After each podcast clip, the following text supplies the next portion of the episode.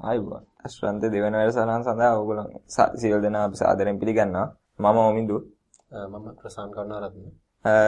ඇත්තටම අද අපි කතා කරන්න බලාපොරොත්තු වෙන්නේ දැන් අපේ පහුවෙච්ච 10 වෙනිදාන් අවසන් වෙච්ච ලෝක අභ්‍යවකාශ සතිය. නැත්තම් වර්ල්ඩ් ස්පේස් වීක් එක පිළිබඳව තමයි. මම හිතන්නේ ඔයගොල්ලෝ හැමෝම දන්න ලෝක අභ්‍යවකාශ සතියේ දීලා තිබුණේ ගිය සතියේ ඔක්තෝබර් 4 වෙනිදා ඉඳලා 10 වෙනිදා වෙනකන් තමයි. ඇත්තටම ඉවෙන්ට් එක අපි හිතුවලදී සාර්ථක මේ සමාප්ත වුණා. ප්‍රසන්න පොඩක් කිව්වා මේ සංස්ථාවක් විදිහට ගත්තම මම හිතන්නේ ඉවෙන්ට්ස් ගොඩක් තිබුණා. ඒක මම හිතන්නේ ලංකාවේ පළවෙනි වතාවට තමයි ස්පේස් වීක් එක අපි පටන් ගත්තේ. ඉතින් මේ විදිහට ගත්තොත් පළවෙනි වතාවට කරපු දෙයක් විදිහට ගොඩක් සාර්ථකයි. මම හිතන්නේ ගොඩක් ඉවෙන්ට්ස් මම හිතන්නේ 15ක් විතර ලංකාව පුරාම ඉවෙන්ට්ස් 15ක් වගේ ප්‍රමාණයක් තිබුණා. අපිට හැම ඉවෙන්ට් එකකටම යන්න බැරි වුණා. තියෙන ඒ පහසුකම් එක අපි ප්‍රවාහන පහසුකම් පොඩි පොඩි ප්‍රශ්න සමහර තැන් වලට ඇද්දී ඒ වුණාට අපි පුළුවන් පුළුවන් හැම ඉවෙන්ට් එකකටම ගියා. අපේ සමාජිකයෙක් සම්බන්ධ කරලා හරි ආරම්භය ගැන මම හිතන්නේ ඔයා වචන කිහිපයක් කිව්වොත් හොඳයි. ඇත්තටම මේ අපේ ආරම්භක උත්සවය තිබුණේ ඔක්තෝබර් 4 වෙනිදා කොළඹ හතේ පීටි රෂියන් සෙන්ටර් එකේ. ඒ සඳහා ප්‍රධාන ආරාධිත අමුත්‍යාශන සහභාගී වෙන ප්‍රොෆෙසර් කාමර් රත්නතුංග සුබෝධය ඒ සඳහා අපේ සුබෝධය හැමෝම දන්න සුබෝධි ආයතනයේ තාරකා විද්‍යා සංගමයේ සහභාගී වුණා. ස්කයිල්ක එකෙන් සහභාගී වුණා. ඒ වගේම අපි ස්කයිල්කෙන් අතරම මේ මුළු ඉවෙන්ට් එකම ලයිව් ස්ට්‍රීම් කරලා www.wsw.skylk.com site එකේ. ඒ වගේම තව අපේ ඉස්කෝල වලනුත් ඉස්කෝල විද ඉස්කෝල වලනුත් ඒ සඳහා සහභාගී වුණා. රාජකීය විද්‍යාලය ඉසිපතන විද්‍යාලය දේවි බාලිකා ආනන්ද බාලිකා සෙන් බ්‍රිජට් ආදී ස්කෝල වලින් නංගිල මල්ලිල ගොඩක් ඒ සඳහා සහභාගී වුණා. ඒගොල්ලන්ට ඇත්තටම ස්තුතියි ඒකට මේ සහභාගී වෙච්ච එක ගැන. ඒ වගේම පළවෙනි ඉවෙන්ට් එක තිබුණේ ඉසිපතනේ. අය ඉසිපතනේ තමයි පළවෙනි ඉවෙන්ට් එක ඕගනයිස් කරලා තිබුණේ. ඉසිපතනේ සෝල් ඔබ්සර්වේෂන් කැම්ප් එකක්. නැත්තම් සූර්ය නිරීක්ෂණය කිරීමේ නිරීක්ෂණ කඳුරක් සංවිධානය කරලා තිබුණා. ඒකත් ඉතාම සාර්ථකයි පැවැත්විලා තිබුණා. එතන අපිත් ඒකට සහභාගී වුණා මේ සෑහෙන හොඳයි. ඒ කියන්නේ ඒකේ ඒ කියන්නේ සහභාගී වීමත් ඊටාම ඉහළ මට්ටමකට පැවතුණා. මොකද ළමන් ළමයි 300ක් විතර හිටියා මේ එදා කැම්ප් එකට. ඔව් 300 රාජිත ප්‍රමාණයක් කියන්නේ ඊටාම හොඳ සහභාගී වෙනවා. ඒ වගේම මම හිතන්නේ සූර්යයත් හොඳ නිරීක්ෂණය කරන්න තියෙන ඇති මම හිතන්නේ. ඒක ඒගොල්ලෝ එතන මේ සෝලාර් ඔබ්සර්වේෂන් කැම්ප් එකට පස්සේ ඒගොල්ලෝ තියෙන moon night moon night camp එක. සඳ නිරීක්ෂණය. හැබැයි දාලා තිබුණේ නම් අමාරු දවසේ. ඒක පොඩි ප්‍රශ්නයක් තියෙන ඒගොල්ලෝ ඒක කලින් බලලා තිබුණේ නෑ. ඒ වගේ ප්‍රශ්න ඇති වෙන ඉතින් හරි ඒ වගේම මම හිතන්නේ මූන් නයිට් කැම්ප් එකේ සඳ නිරීක්ෂණයට අමතරව ඒකට සම්බන්ධ දේශන. දේශන පැවැත්වුණා මේ පවිත්‍රයත් සහභාගී වුණා ඒ සඳහා. තව මේ සඳ නිරීක්ෂණය සහ සිතියම් ගත කිරීම ගැන සිතියම් ගත කිරීම ඒගොල්ලෝ තාරකා සිටියම අධ්‍යයනය කිරීම පිළිබඳව ඒගොල්ලෝ කියලා තිබුණා. ඒ වගේ ඒක සෑහෙන සාර්ථක නයිට් කැම්ප් එක කියලා කියන්න පුළුවන්. ඒක සම්පූර්ණ දවසෙම වගේ ඒකට පැවැත්වුණා නේද? මුළු දවසම පැවැත්වුණා ඒක. ඊට පස්සේ අපේ පස්වෙනිදා නම් කිසිම ඉවෙන්ට් එකක් තිබුණේ නැහැ. කවුරුත් පස්වෙනිදා කිසිම ඉවෙන්ට් එකක් සංවිධානය කරලා තිබුණේ නැහැ. 6 වෙනිදා තිබුණා සෝල් ඔබ්සර්වේෂන් කැම්ප් එකක් නුවර. නුවර. ඇත්තට අපේ කිව්වොත් පාසල ගැන කිව්වොත් නුවර මොන?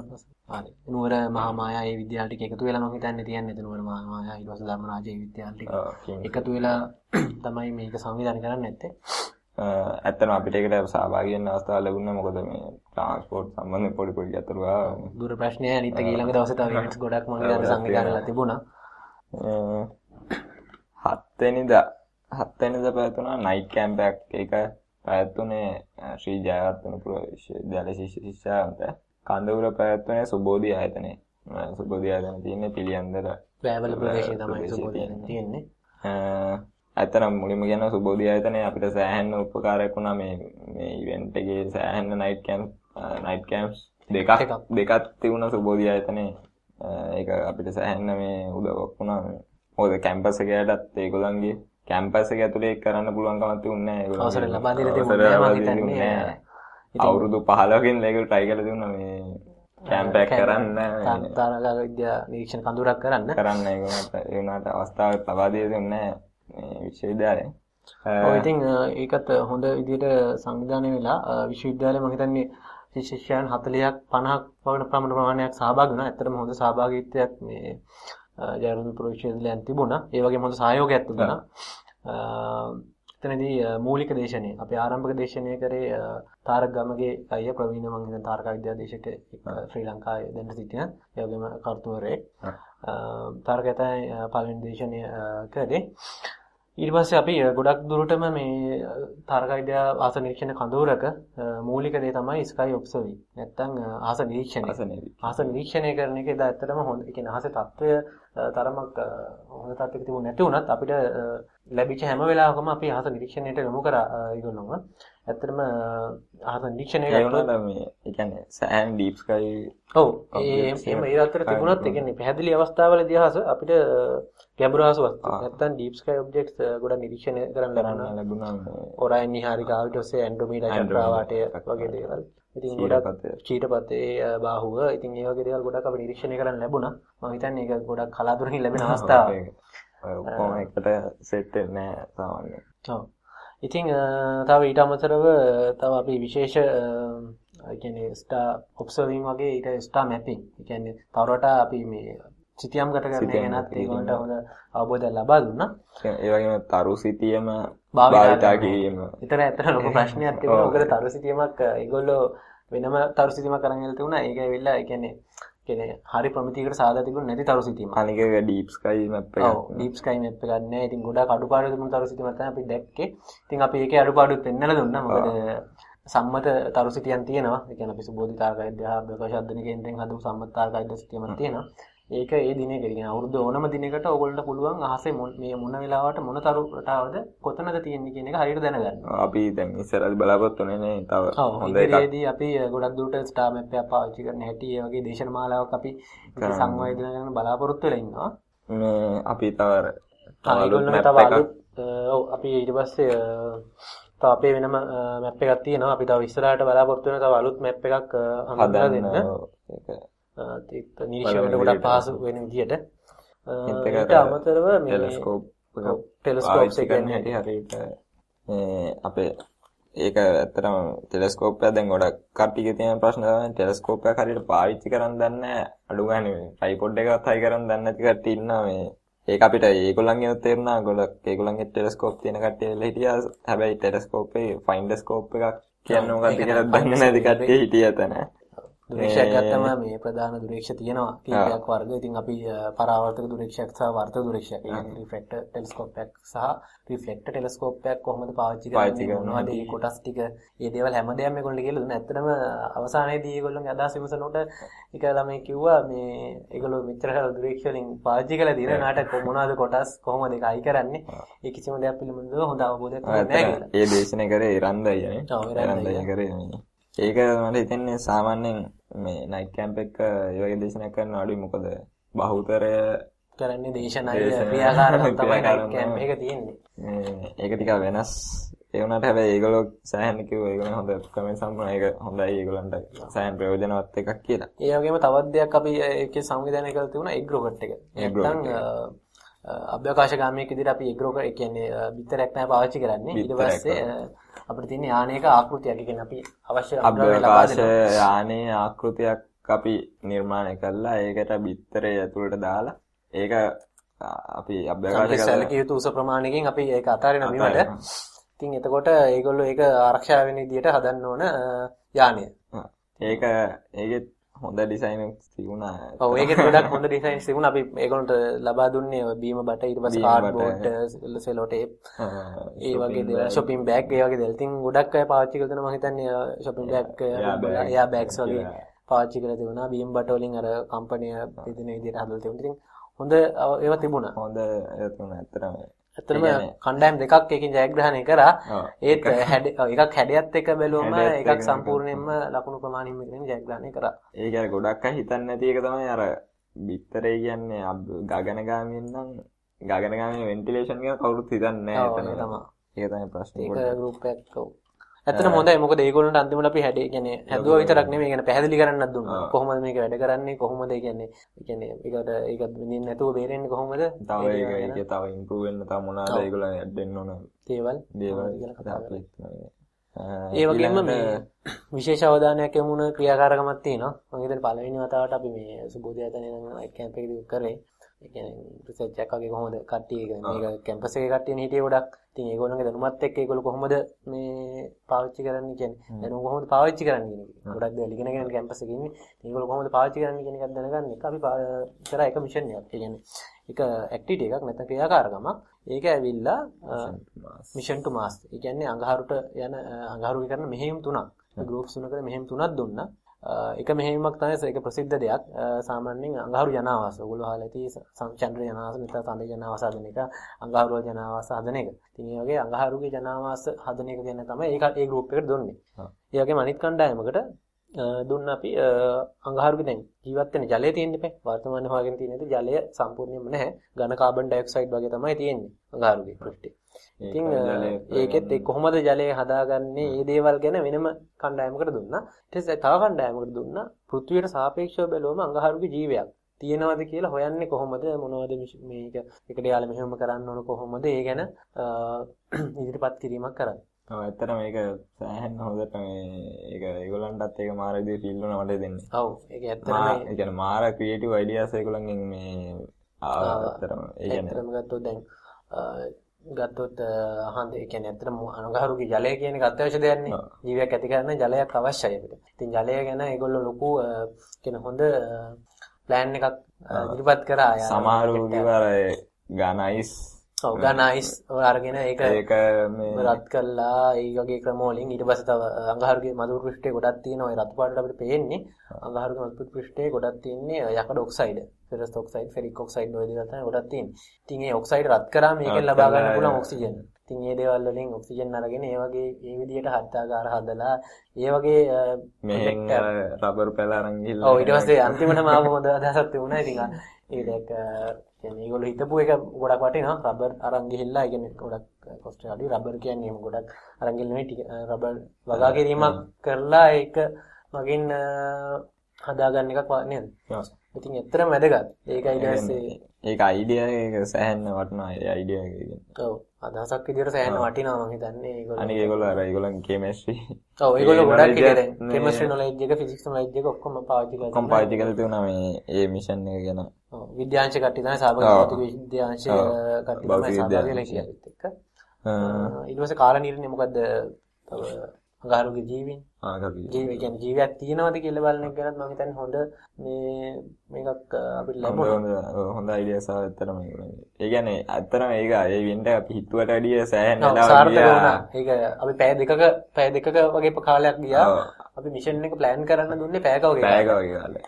පැය දෙකට වැඩි ගියා එතකොට මිෂන් එක උදේ 6 විතර එනකන් ඒක ඉවෙන්ට් එක ගියා අපි 3ට වගේ පටන් ගත්තා අපි කොහොමත් වෝටර් කට් කැම්පේෂන් එකකුත් තියන් හිටිය. ඇත්තට මේක කරන්න වෙලා මදි වුණා මේ. මොකද මේ ඇක්ටිවිටි එක ගොඩක් හොඳට ක්‍රියාකාරීව. ඉතින් ඒගොල්ලෝ ඉදිරිපත් වුණා. ඒගොල්ලොත් සෑහෙන්න මේ සජීවීව මේ සම්බන්ධ වෙච්චා. මොකද ඊට කලින් ගොඩක් ඇත්තටම නයිට් කැම්ප් එකක් ගත්තොත් සාමාන්‍ය අපි හවස 6 ඉඳන් ඊළඟ දවසේ උදේ වෙනකම් උදේ පාන්දර නම් එළිනකම් ගේ ඇහැරලා ඉන්නවා. ඉතින් ඇහැරලා ඉන්නවා කියන එක සමහරවිට පුරුදු නැති දෙයක්. සමහරව නිදිමතේ ඉන්නේ ඉතින් ඇත්තටම නිදිමත කියන එකත් ඒ ඇක්ටිවිටි එකත් එක්ක ගොඩක් නැති වෙලා ගියා. නැති වෙලා. උද්‍යෝගේ වැඩි වුණා ඒගොල්ලෝ ඇත්තටම ඒගොල්ලොත් අන්තිමට මේ අපිට කිව්ව මල්ලි අපි මේ අවුරුදු 15ක් තිස්සේ නයිට් කැම්ප් එකක් කරන්න try කරා මේ ඇත්තටම ඕගොල්ලෝ වෙන්නකම් මේ කරගන්න බැරි වුණා කියලා අපිට. ඔව් ඇත්තටම මේගොල්ලෝ ස්තුතිවන්ත වුණා මොකද ඒගොල්ලෝ නයිට් කැම්ප්ස් වලට ගිහිල්ලා සහභාගී වෙච්ච දෙන්නෙක් හිටියා. මම මම ආනකොට දෙන්නෙක් හිටියා. ඒ දෙන්නම කිව්වේ වෙන කැම්ප්ස් වල වගේ නෙමෙයි. ඉතින් අර ක්‍රියාකාරකම් පැත්තට බරව ඊට නිරීක්ෂණය ගත්තොත් නිරීක්ෂණය කොහොමද දුරීක්ෂණය කියන්නේ කොහොමද ගොඩක් අලුත් දේවල් ඉගෙන ගන්න ලැබුණා කියලා තමයි ඒගොල්ලෝ කිව්වේ. අනික ඒගොල්ලන්ගේ මේ ඇස්ට්‍රොනොමි ගැන මෙච්චර ලෙක්චරයක් කරන්න තරම් ඔව් ලොකු දැනීමක් තියෙන කට්ටිය මේ නැහැ ඇත්තටම.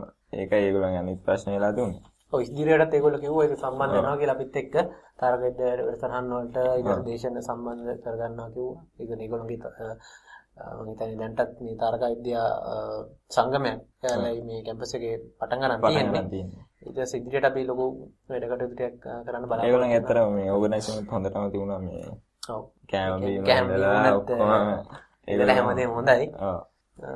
ඉතින් ඇත්තටම සාර්ථකව තිබිච්ච කැම්ප් එකක්. සුබෝධි ආයතන මම කියන්න ඕන සුබෝධි ආයතනත් වසර 3ක් වගේ කාලයක් නවත කියන්නේ අපි නවත්තලා තියලා ගිය අවුරුද්ද තමයි අපි ඇත්තටම ආරම්භ කරේ. මේ තමයි නිල වශයෙන් ආරම්භ කරේ. ඉතින් තාරක විද්‍යා අභ්‍යවකාශ අධ්‍යයන කේන්ද්‍රයේ අපි පළවෙනි කැම්ප් එක කියන්නේ පළමු කැම්ප් එක විදිහට පළවෙනි රාත්‍රිවාස නිරීක්ෂණ කැම්ප් එක විදිහට පටන් ගත්තේ මේ කැම්ප් එකේ. ඒ කියන්නේ තාරකයන් පස්සේ. ඒක ඊටාම සාර්ථකයි. ඇත්තටම ඊටාම සාර්ථකයි. ඊට පස්සේ 8 වෙනිදා අපේ ඉවෙන්ට්ස් ගොඩක් තිබුණා. පළවෙනිම තිබුණේ ආනන්ද බාලිකා විද්‍යාලයේ දේශනයක් තිබුණා. තාරකා විද්‍යාව සම්බන්ධ දේශනයක්. ඒ දේශනයේ සහභාගී වුණේ තාරක ගමගේ අයියා ප්‍රවීණ දේශකයෙක්. ප්‍රවීණ තාරකා විද්‍යාව දේශකයෙක්. ඒ වගේ තාරකා විද්‍යාව ලංකාවේ ඉන්න ප්‍රවීණ තාරකා විද්‍යාව කටුවරේ. ඒකට සෑහෙන ළමයි ප්‍රමාණයක් සහභාගී වෙලා ළමයි 200ක් විතර සහභාගී වෙලා ඒකට ඒක නම් ඒක ඉතාම සාර්ථකයි. දේශනය මේ අපිත් සහභාගී වුණා. මේ එහෙම අර නයිට් කැම්පෙන් පස්සේ එහෙම අපි ඒකට ගියා. ඊට පස්සේ ඊට පස්සේ තියුනේ දේවි බාලිකා විද්‍යාලේ දේවි බාලිකා විද්‍යාලය ගැන පොඩ්ඩක් කියන්න ඕනේ ඒගොල්ලෝ ඉවෙන්ට්ස් තුනක් ඕගනයිස් කරලා දෙන මුළු දවසම. මට ආරංචි දෙන මිනිහා වෙනස්ම විදිහට කරා කියලා ඒගොල්ලන්ගේ පළවෙනියෙන්ම මුලින්ම උදේ 4 තිබුණ ඒගොල්ලන්ගේ ඉවෙන්ට් එකක් ඒක තිබුණේ මියගේ අගගෙන ගන්න වෙනුවෙන් පින්පවුන වීමේ වැඩසටහන. ඇත්තට මේක කියන්නේ ගොඩක් රටවල කටේ රුසියාව පස්සේ ඇමරිකාවෙන් ගොඩක් අය අභ්‍යවකාශය ගත වෙලා තියෙනවා. අභ්‍යවකාශ ගමන් ඉන්නවා. ඒකට ඒගොල්ලොන් අර සිහි කිරීමක් විදියට මම හිතන්නේ ලංකාවේ පළවෙනි වතාවට ඒ සිහි කිරීමක් ඒගොල්ලෝ පින්පවුනවන එක කියන්නේ අපේ ආගමත් සම්බන්ධ කරගෙන ඒක අර අපේ සංස්කෘතියට අනුව ඒක සෑහෙන්න ඒ කියන්නේ ඒක ටිකක් වෙනස් දෙයක්. ඒ කියන්නේ කවුරුත් සාමාන්‍යයෙන් හිතන්නේ නැති දෙයක්. ඒක ඒක ඇත්තටම මේ අපි ඒක ඉතාමත් අගය කරන්න මොකද ඒක ටිකක් අලුත් ඒ වගේම අපි විසින් කළ යුතු දෙයක් ඒක. ඔව් අනිවාර්යයෙන්. ශ්‍රී ලාංකේය යුතු දෙයක්. මොකද අද අභ්‍යවකාශ විද්‍යාව යම් කිසිතැනක තියෙනවා නම් ඒ තියෙන්නේ ඒගොල්ලොන්ගේ කැපකිරීම මත තමයි. ඔව්. ඒක ඊට පස්සේ ඒගොල්ලන්ගේ සංවිධානය කළ තියෙන වෝටර් කොට් කම්පිටිෂන් එකක්. ඒක 10ට තියුනේ. ඔව් දැන් වෝටර් කොට් කියන එකත් මම හිතන්නේ මේ දිනවල ගොඩක් ජනප්‍රිය මාතෘකාවක්. ඔය වෝටර් කොට්, එග් රොකට් ඔය ඔක්කොම සොලිඩ් ප්‍රොපලන් ඔක්කොම මේ රොකට්ටි කියන දේට තමයි අයත් වෙන්නේ. සාමාන්‍යයෙන් සොලිඩ් ප්‍රොපලන්ට යන කරන්න කියලා අපිට පිළියන් ගම්පා බණ්ඩාර බණ්ඩාරයේ කරන්න බලුවා මේ ඒගොල්ලෝ හදලා තියෙනවා. ඒක තාම යවන්න try කරනවා කියලා. ඒක ටිකක් භයානක වැඩක් ඒක ටිකක්. කියන්නේ. පිළිමක් වගේ ඇති වුණොත් එහෙම මේක වෙන්න පුළුවන්. ගැන කතා කරත් ඒක මාර ඉන්ට්‍රෙස්ටිං කවදාවත් එපා වෙන්නේ හැමදාම අලුතෙන් ඒක ඩිසයින් කරන්න පුළුවන් එක විදිහට හදලා අපිට යන්න පුළුවන්. සරල ද්‍රව්‍ය ටිකක් තමයි අපි පාවිච්චි කරන්නේ. ඔව් ඉතාලම සරලයි වතුර බෝතල් දෙක. මිල අධික කිසිම දෙයක් නැහැ ඒකට පාවිච්චි කරන්නේ. ඒ කියන්නේ ඕටෝකට් කියන දේ ඒක අර තාරක විද්‍යාව හදාන්න කියන තමයි ඇත්තට අලුත් දෙයක් නෙමෙයි ඒ වුණාට මේ මේ කවදාවත් එපා වෙන්නේ. ඔව්. අනික ඉස්කෝලේ සම්බන්ධ සිදුනුත් ඉන්නවනේ. ඊටම තාරක විද්‍යාවට සහභාගී වෙච්ච අය ගොඩක් වැදගත් දෙයක්. වැදගත් දෙයක් තමයි. දේවිකා දේවිබාලිකා විද්‍යාලයේ හවස් සරුවේ තියෙන චිත්‍ර ප්‍රදර්ශනයක්. ඒක තාරකා විද්‍යාව සම්බන්ධව චිත්‍ර ගැන තමයි ඔක්කොම මේ මේ ඇඳලා තිබුණේ. ඒකත් ඉතා සාර්ථකව මේ හිමා වුණා. ඊට පස්සේ ඒකට ඒකත් එක්කම ඒට සමගාමීව තිබුණා ශාන්ත බ්‍රිජට් කන්‍යාරාමේ දේශනයක් තිබුණා. සෝලර් ඔබ්සර්වේෂන් කැම්ප් එකක් තිබුණා. වෝටර් කොට් කම්පිටිෂන් එකක් තිබුණා. ඔය තුනම ගියා ඒ දේශනය කරේ මිලන් මිලන් අයියා. ඒ දේශනය තිබුණත් සෝලර් ඔබ්සර්වේෂන් ඒ කියන්නේ සූර්ය නිරීක්ෂණය සම්බන්ධව දේශනයක් තමයි කරේ. ඒ කියන්නේ සන්ස්පෝට් කියන සන්ස්පෝට් එක ඇති වෙන්නේ කොහොමද? සෝලර් සර්කල් එක ගැන සූර්ය ලප සූර්ය ලප වෙන්නේ කොහොමද? සූර්ය චක්‍රය කොහොමද තියෙන්නේ? අවුරුදු කීයකට වරක් දෙක වෙන්නේ? ඒවා තමයි නේද? ඒක තියෙන තව ටෙලස්කෝප් එකකින් සූර්යා ඒක ප්‍රොජෙක්ෂන් මෙතඩ් ඒ කියන්නේ ආ ප්‍රොජෙක්ෂන් ඒ කියන්නේ කෙලින්ම සූර්යයා දිහා බලන්න බලන්න හොඳ නැහැ කියන්න ඕන ඔයගොල්ලෝ දන්නේ ආන්ගියට වැදගත්. ආ මොකද කවදාවත් ටෙලස්කෝප් එකක් සූර්යයාට අල්ලලා ඒක නිරීක්ෂණය කරන්න බලන්න යන්න එපා අනිත් එක මේ PVS එනොත් කෙලින්ම සූර්යයා දිහා බලන්න හොඳ නැහැ අනිවාර්යෙන් ඇසට හානි වෙනවා. ඒක අනිත් IPS එකක් ටිකක් ලොකු එකක් හරි යකඩ එකක් හරි නෙවෙයි නම් මේ IPS එකක් තුන වෙන්න පුළුවන්. තුන වෙන්න පුළුවන්. මුල වෙලා තිබුණා. සමහරවිට තියෙනවා ඔව්. මේ ඒකින්ද ඒක අර දන්න එක්කෙනෙක් නැතුව ඒක කරන්න යන්න එපා කියන එක තමයි කියන්න තියෙන්නේ. ඒක මොකක් හරි තිරයකට අරගෙන නිරීක්ෂණය අරගන්න පුළුවන්. ඒකත් හැබැයි අර මේ ප්‍රශ්නයක් වෙන්නේ අර IPS එක තමයි. ඔව්. IPS එක වෙන්න පුළුවන් හොඳ එකක් නෙවෙයි නෑ කියන්නේ. ඒකට ඉතින් ගොඩක් දුරට ෆිල්ටර්ස් නැත්තම් පාවිච්චි කරන්න පුළුවන් මේ සෝලර් ෆිල්ටර්ස් කියලා තියෙනවා සූර්ය ප්‍රේරක කියලා. ඒවා අපිට පාවිච්චි කරන්න පුළුවන්. පාවිච්චි කරන්න පුළුවන් හැබැයි වඩා සාර්ථකයි තිරයක් මතට තිරයක් මතට ප්‍රක්ෂේපණය ප්‍රක්ෂේපණය කරගන්න එක මේ අපේ සෝල ඔබ්සර්වේෂන් ඒකට ඇත්තටම රාජකීය විද්‍යාලයේ ටෙලස්කෝප් එක ටෙලස්කෝප් එක මේගොල්ලෝ ගෙනල්ලා දීලා තුනා. තව ඉසිපතන විද්‍යාලයේ ටෙලස්කෝප් එකත් ඒගොල්ලෝ ගෙනල්ලා දීලා තුනා. ඇත්තටම ගත්තොත් එතකොට ගොඩ සහයෝගිතාවක් තිබුණා ඉස්කෝල අතර මොකද මේ දුරේක්ෂ කියන එක දුරේක්ෂ තියෙනවා ඉස්කෝලේ ඒකට අපිට හොඳ නිරීක්ෂණයක් කරන්න අවශ්‍ය ප්‍රමාණයට අදාළ දුරේක්ෂ තියෙනවද කියන එක ප්‍රශ්නයක් ඇත්තටම. ඇත්තටම ඉසිපතන විද්‍යාලය රාජකීය විද්‍යාලයේ ටෙලස්කෝප් දෙක තුනම මේ මේ අපි ඔක්කොම පාවිච්චි කරා. අන්තිම එකට රාජකීය විද්‍යාලයේ ටෙලස්කෝප් එක ගන්න බෑ. හැබැයි ඉසිපතන එක නම් මේ දිගටම මේ පාවිච්චි කරා අපි. මේ ඒ මල්ලිලටත් ගොඩක් ස්තුතිවන්ත වෙනවා. සහයෝගීත්වය වර්ධනය කරගෙන ඒ පිරිසක් විතර එකට එකතු වෙලා කරන එක ඇත්තටම වැදගත් ආරකයිද ඇත්තටම දැනුත් ඉසිපතන විද්‍යාලයෙන් තමයි අන්ලා විද්‍යාලය ඒ ළමයින්ට ලෙක්චර්ස් කරන්නේ. ශාන්ත බිජෙට් කන්න අර මේ කට ලෙක්චර්ස් කරන්නේ රාජකීය විද්‍යාලයෙන්. ඇත්තට මේක හොඳයි මේ මොකද මේ සහය නැතුව මේක කරන්න බෑ කරන්න බෑ. කියන්නේ තනි විදියට තනි සංගමයක් විදියට ඉදිරියට ගෙනියන්න බෑ ඒක. ඉතින් හැමෝම එකතු වෙලා ඉස්සරහට ගෙනන හොඳයි. ඔව්. ඊට පස්සේ සූර්යලප නිරීක්ෂණය කළා අපි තුන සන් මැපින්. ආ ඒ කියන්නේ සූර්යලප සිතියම් ගත කිරීම. ඔව් සිතියම් ගත කිරීම අපි සිතියම් වගේ අපි print කරලා ගෙනල්ලා දීලා තියෙනවා ඒගොල්ලන්ට. හ්ම්. ඒගොල්ලෝ සෑහෙන කියන්නේ හොඳට මේ ඒක ඒකෙන් මම හිතන්නේ සෑහෙන හොඳ අලුත් අත්දැකීමක් ලබා ගන්න ඉතින් මම හිතන්නේ ඔය සූර්යා නිරීක්ෂණය කරන කියන වැඩි කරන දෙයක් කරන්නේ නැහැ ඊට පස්සේ ඊට පස්සේ තියුනේ වෝටර් රොකට් කම්පිටිෂන් එක. ඒකෙන් ඇත්තටම සෑහෙන මේ ඉන්ටරෙස්ටිං මොකද? උලම් බෝම්බේ තියුන්නේ ඒගොල්ලන් ගා උලම් බෝම්බේ කැඩුනා. ඊට පස්සේ මේ අන්තිමට අපි වෝටර් රොකට් එක යවුවේ කම්ප්‍රෙෂර් එකක් ගහලා. එතන මීටර් 30ක් විතරක් විතර උඩ ගියා ඒක. සෑහෙන හොඳ ප්‍රමාණය දුර ප්‍රමාණයක්. මේ ඒක සෑහෙන හොඳයි ඒක. ඊට පස්සේ අපි ඒකේ ඒ කියන්නේ කවුරුත් එච්චර එච්චර උඩ ගිහින් මේ යවලා තියුන්නේ බෝට් එකකට. එච්චර දුර ප්‍රමාණයක් නේද? එච්චර දුර ප්‍රමාණයක් කවුරුත් යවලා තියුන්නේ නැහැ. ඒක තිරස්සෝද ඇව්වේ නැත්නම් සිරස්සෝද? ප්‍රක්ෂිප්ත. ප්‍රක්ෂිප්ත විදිහට නේ. එතකොට අපිට දුරමනින්න පුළුවන්. සිරස් විදිහට ගෙනිච්චොත් අපිට දුරමනින්න පොඩි ගැටලුවක් ඇති වෙනවා. මොකද විදිය බලනකොට. ඒක නිසා. ඊට පස්සේ මේ ඒ කියන්නේ ප්‍රක්ෂිප්ත කියන්නේ අර ප්‍රක්ෂිප්තෙත් අංශක 45ක අංශක 45 කියන්නේ වැඩි මුදුරු ප්‍රමාණයක් වැඩි මුදුරු ප්‍රමාණයක් කියන්නේ අංශක 45ක කෝණකින් යවුවම තමයි.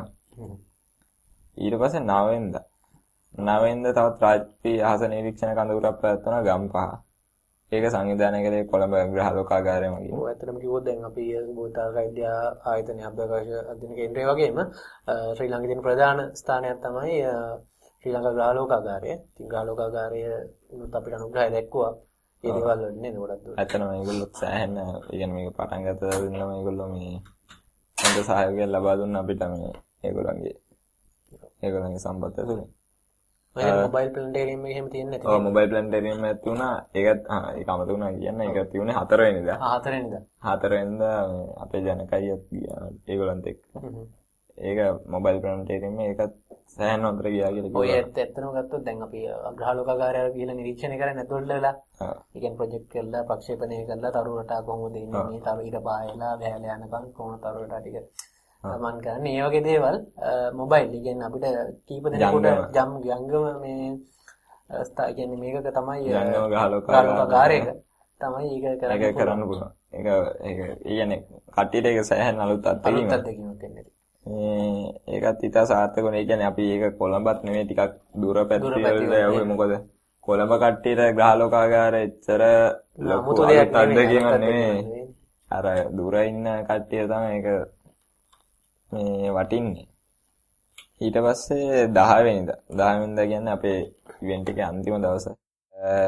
එදා තිබුණේ අපේ පබ්ලික් නයිට් කැම්ප් එකක් අපි ඕගනයිස් කරලා තියෙනවා. ඒක ඉතින් මම කියන්නම් පිළියන්දල මධ්‍යම විද්‍යාලයේ තිබුණා මේ ඒ කියන්නේ ඔයගොල්ලෝ ඕගනයිස් කරලා සංවිධානය කරලා තිබුණා තාරක විද්‍යාව දැනුම් මිනුම තරඟාවලිය. මම හිතන්නේ ඒකත් ඉතාමත් හොඳට කියන්නේ මොකද මම සහභාගී වුණා ඒකේ විනිශ්චය මණ්ඩලයට. ඉතින් ඒකත් ළමයි මම හිතන්නේ 100කට 150ක පමණ ප්‍රමාණයක් එකතු වෙලා තිබුණේ ඒකට. ඉතින් හොඳයි ඇත්තට. මොකද පොඩි කියන්නේ 6 වසරේ ඉඳන්ම ළමයිගේ සහභාගීත්වයක් තිබුණා. ඒ කියන්නේ මම දැකපු තැනක් තමයි කියන්නේ 6 වසරේ ඉඳන් 10 11 ඒ වසර වලට එනකම් හොඳ සහභාගීත්වයක් තිබුණා. ඒගොල්ලන්ගේ තාරක විද්‍යාව දෙනුම තරඟාවලියට. ඒක දේශනය කරා. ඔව් ඊට අමතරව මට ආරාධනා කළා තිබුණා දේශනයක් කරන්න. මම අඟහරු සහ පෘථුවිය සංසන්දනය කරන සංසන්දනය සමග දේශනය තමයි මම මොකද මේ අපේ මේ වර්ල්ඩ් ස්පේස් එකේ මූලික තේමාව තියෙන්නේ exploring Mars discovering Earth කියන එක. ඒ හින්දා අපි මේ මේ සතිය තුළද කර හැම ඉවෙන්ට් එකක්ම වගේ ඒ ආශ්‍රයෙන් තමයි කරේ. ඔව් ඒ ආශ්‍රයෙන් බැහැර වුණත් ඒ ඒ පිළිබඳව අපි දැනුවත් කරා ඒගොල්ලෝ. අනික අර ජයදුණු කැම්පස් එකේ ඒ මාස් මිෂන් ටු මාස් එක සංවිධානය කරන්නත් ප්‍රධාන හේතුව ඒ ඒක තමයි.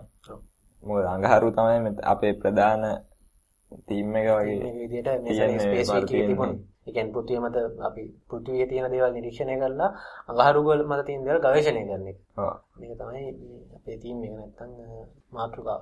ඊට පස්සේ 10 වෙනිදා එදාම රාත්‍රියේ තිබුණ නයිට් කැම්ප් එක ඒක පබ්ලික් නයිට් කැම්ප් එකක්. ඔව් ඒ කියන්නේ අපි පබ්ලික් ඉවෙන්ට් එකක් වගේ FB එකකට අපි පබ්ලිසිටි එකක් දුන්නා. ඒ කියන්නේ ඕන කෙනෙකුට සහභාගී වෙන්න පුළුවන්. ඕපන් ඉවෙන්ට් එකක්.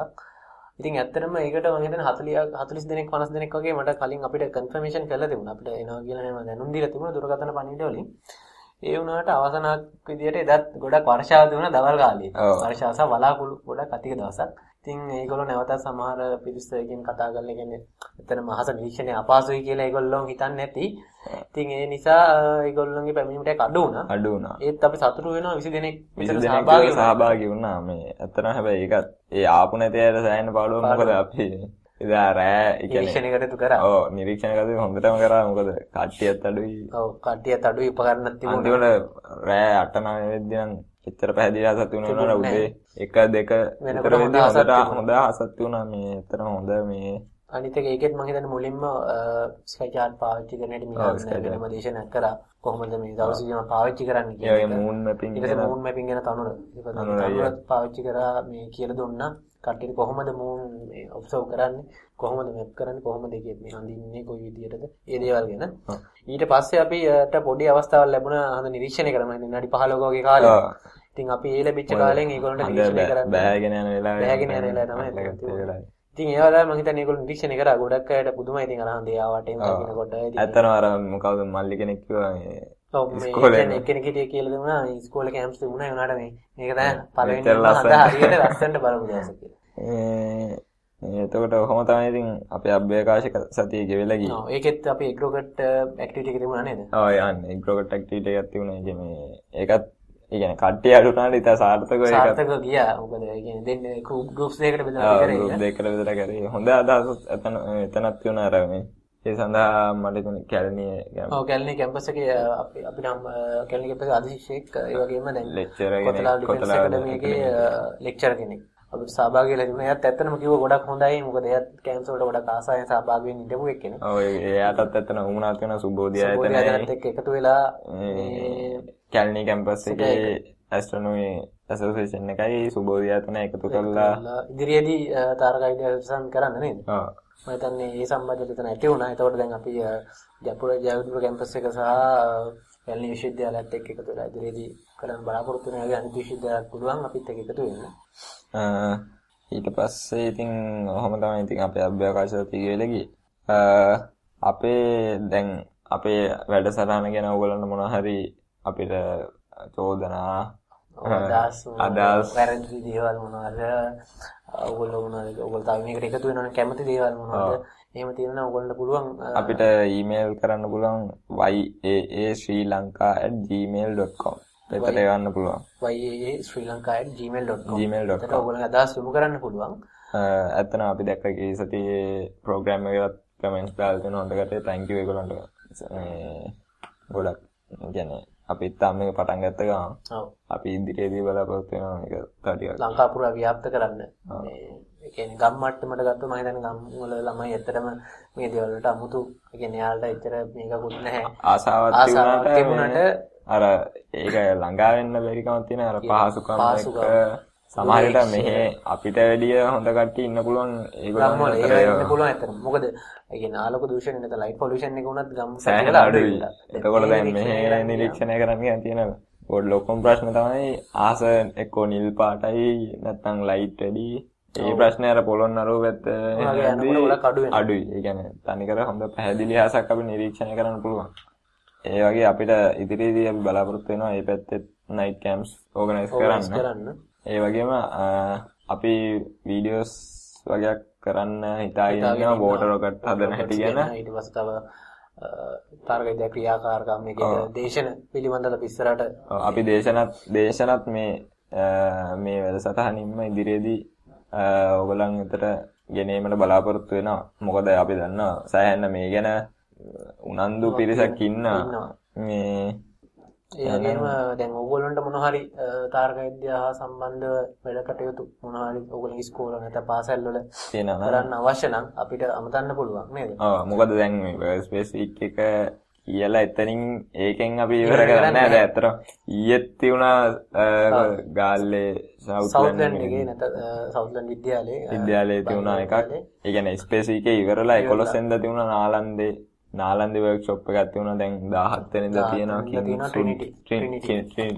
ට්‍රිනිටි එකේ නයිට් කැම්ප් එක විද්‍යාලය. හොඳ අපි සහභාගීන් බලාපොරොත්තු අපි බලාපොරොත්තු අපි කියන්නේ ස්පේස් වීකෙන් පස්සේ කියලා එක නවත්තන්නේ නැහැ. කොහොමද අපි දිගටම මේ මොහොත් ඒ විදිහටම තමයි යන්නේ. ඒක මේ ඕගොල්ලන්ගෙත් ඇත්තටම තියනවා නම් මොන හරි ඉවෙන්ට් එකක් අපි ඒකට සහභාගී වෙන්න ඕන නම් මේ අපිට දැනුම් දෙන්න අපිට ඊමේල් එකක් යවන්න අපි අනිවාර්යෙන් එනවා මේ පුළුවන්කමක් තියෙනවා ඒ වගේම දැන් අපි මම සුබෝධි ආයතනය ගැන පොඩ්ඩක් කතා කරන්න. සුබෝධි තාරක විද්‍යාව අභ්‍යවකාශ දිනකෙන්ද මෙතන 89 87 අවුරුද්ද පටන් ගත්තේ. ඊට පස්සේ ෆාදර් මර්වින් ෆර්නන්ඩෝ ප්‍රියතුමා තමයි මූලික වෙලා පාදර් සෑහෙන්න අපිට ඒ පාදරෙන් අපිට සෑහෙන්න ලොකු සහයෝගයක් ලබා දෙනවා ෆාදර් මර්වින් මේ. ඔව් ලංකා තාරක විද්‍යාව ක්ෂේත්‍රය මම හිතන්නේ ගොඩක් පරණම කෙනෙක් හිටපු.